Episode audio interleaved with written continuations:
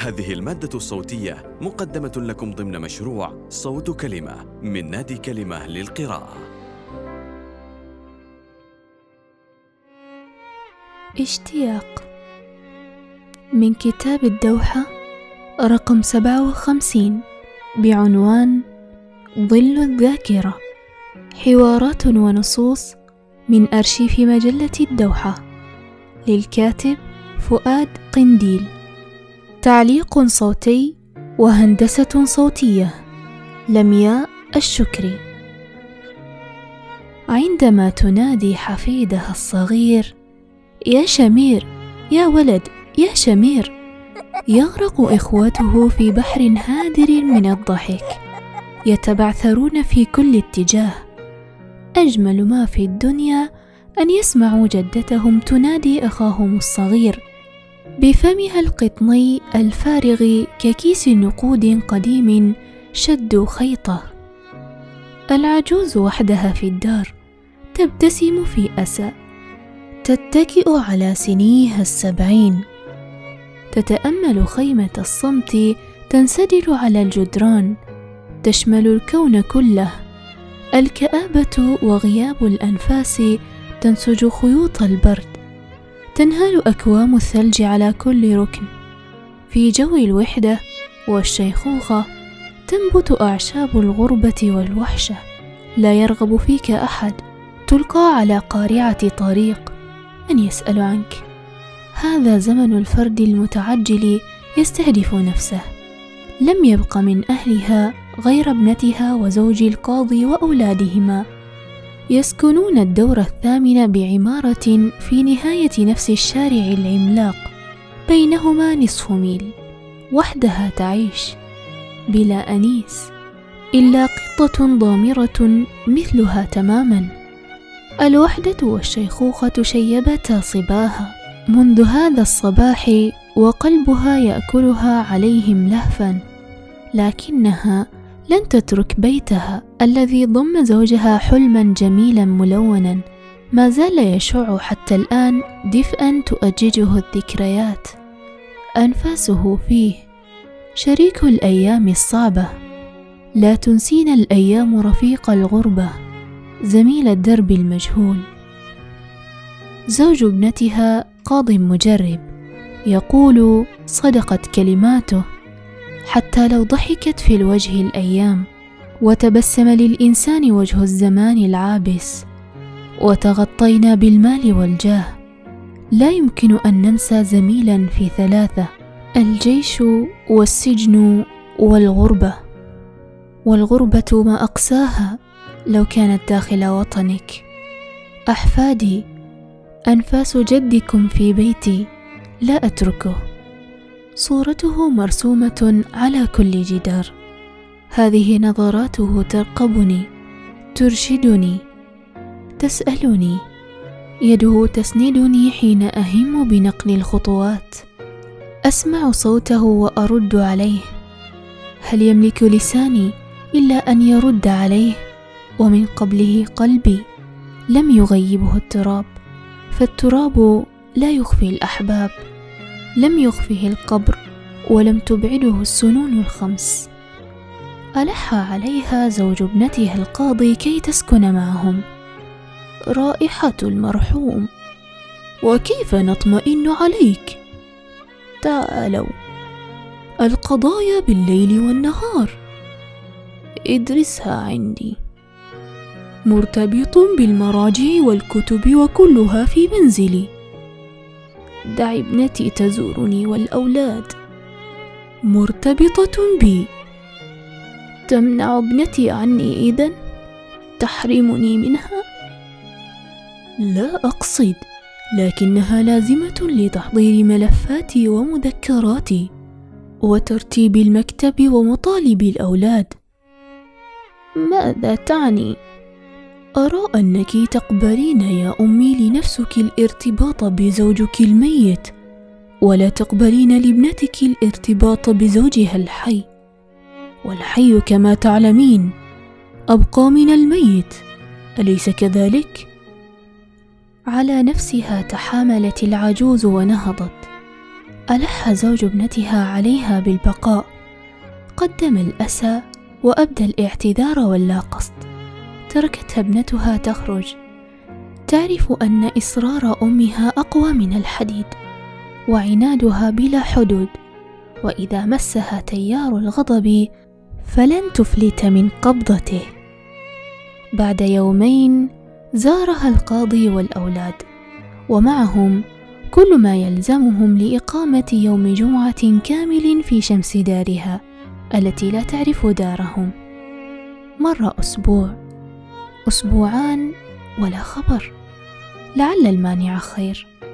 اليوم هو الجمعة. منذ الصباح وقلبها يأكلها عليهم.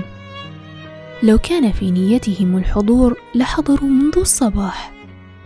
الوقت الآن بعد العصر. لا تستطيع الجدة العجوز مقاومة الرغبة الجياشة في رؤيتهم.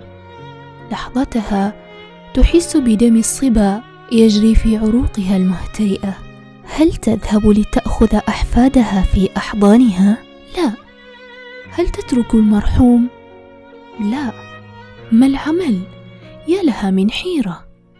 الأفضل أن تذهب. الألم ينخر في ركبتيها كالنمل. يمتص رحيق العافية. يا الله حسن الختام. تنهدت. نهضت. يداها فوق ركبتيها. هربت الحياة من عظامها. كل شيء غارق في بهمة السكون إلا زحف المدارس. مرت على حاجياتها في البيت. طبق مكشوف تغطيه بالذات الملح لأنه يحوي الأبراص. لكن اللبن ستتركه مكشوفا لتلعقه القطة. ستبيت غالبا عند ابنتها. قلبها يأكلها عليهم منذ الصباح. تلفتت إلى الجدران الذاهلة في غباء. عن إذنكم يا أهل البيت سأعود في الصباح. أقفلت الشقة في أنات. استدار جسدها المقوس في حركة آلية واهنة. نزلت السلم واحدة واحدة. طفل صغير يعود الإنسان كما كان. تاتا يدها على السور. درجة أخرى وتقف. هبطت الأدوار الثلاثة حتى الباب الخارجي. الباب يبدو من الداخل ثغرة كبيرة في كهف يفضي إلى نور الشارع. تقطعت أنفاسها. الشارع عملاق مهيب. الحركة فيه كيوم النشور. سيارات تتسابق كأنها تهرب من النار. الناس يتدافعون بلا وعي ينطلقون كالآلات بلا بصيرة عربة بلا قائد أبواب تتعالى تصم الآذان. التراب والدخان الشخص يقابل أخاه لا يعرفه. عيناه في عينه ولا يعرفه. خطواتها وجلة وقبل أن تنقلها تنظر إلى اليمين ثم تنظر إلى اليسار. الشارع في المدينة الكبيرة غول يأكل الأطفال والعجائز. ترتعد عند كل بوق. رمح يشق الجسد الهش. يهتز هزة الموت. تستعيذ بالله. وصلت عند كشك في منتصف الطريق تقريبا. استدارت تنظر إلى بيتها كأنها ستفارقه. كأنهم سيخطفونه إذا وصلت طريقها. بدا زوجها يلوح لها. حسبت المسافة الباقية على العمارة الحمراء العالية. هانت. هذا الشارع كان أيام شبابها خاليا من المارة أو يكاد والحركة فيه ضئيلة. سيارتان أو ثلاث تسير فيه معصوب العينين فلا تخاف. تمشي ذاهلا عن أحوالك ولا يهمك. تحمل أكياسا وصناديق تحجب عنك الرؤية. لا بأس. تمشي وأمامك أولادك يجرون كقطيع الغنم لا خوف عليهم. أما الآن فأنت لا تأمن على نفسك وأنت في قمة شبابك وفي منتهى القوة والنشاط. بلغت العجوز باب العمارة. أبلغها البواب أن الكهرباء مقطوعة. ينهر أبيض. وكيف ستصعد إلى الثامن؟ جلست على مضض تنتظر. كلها آذان صاغية لعودة الكهرباء. الأولاد يقفزون في قلبها. ستصعد السلم ولا تنتظر. يا أم العواجز سلم وتقف. درجة وتقف. درجة أخرى وتقف. يدها على الجدار. شهيق الأنفاس وزفيرها أخذ يعلو بصدرها ويهبط في عجلة كذراع قطار قديم. العرق ينبت على جبهتها وتحت أنفها كحبات من السكر.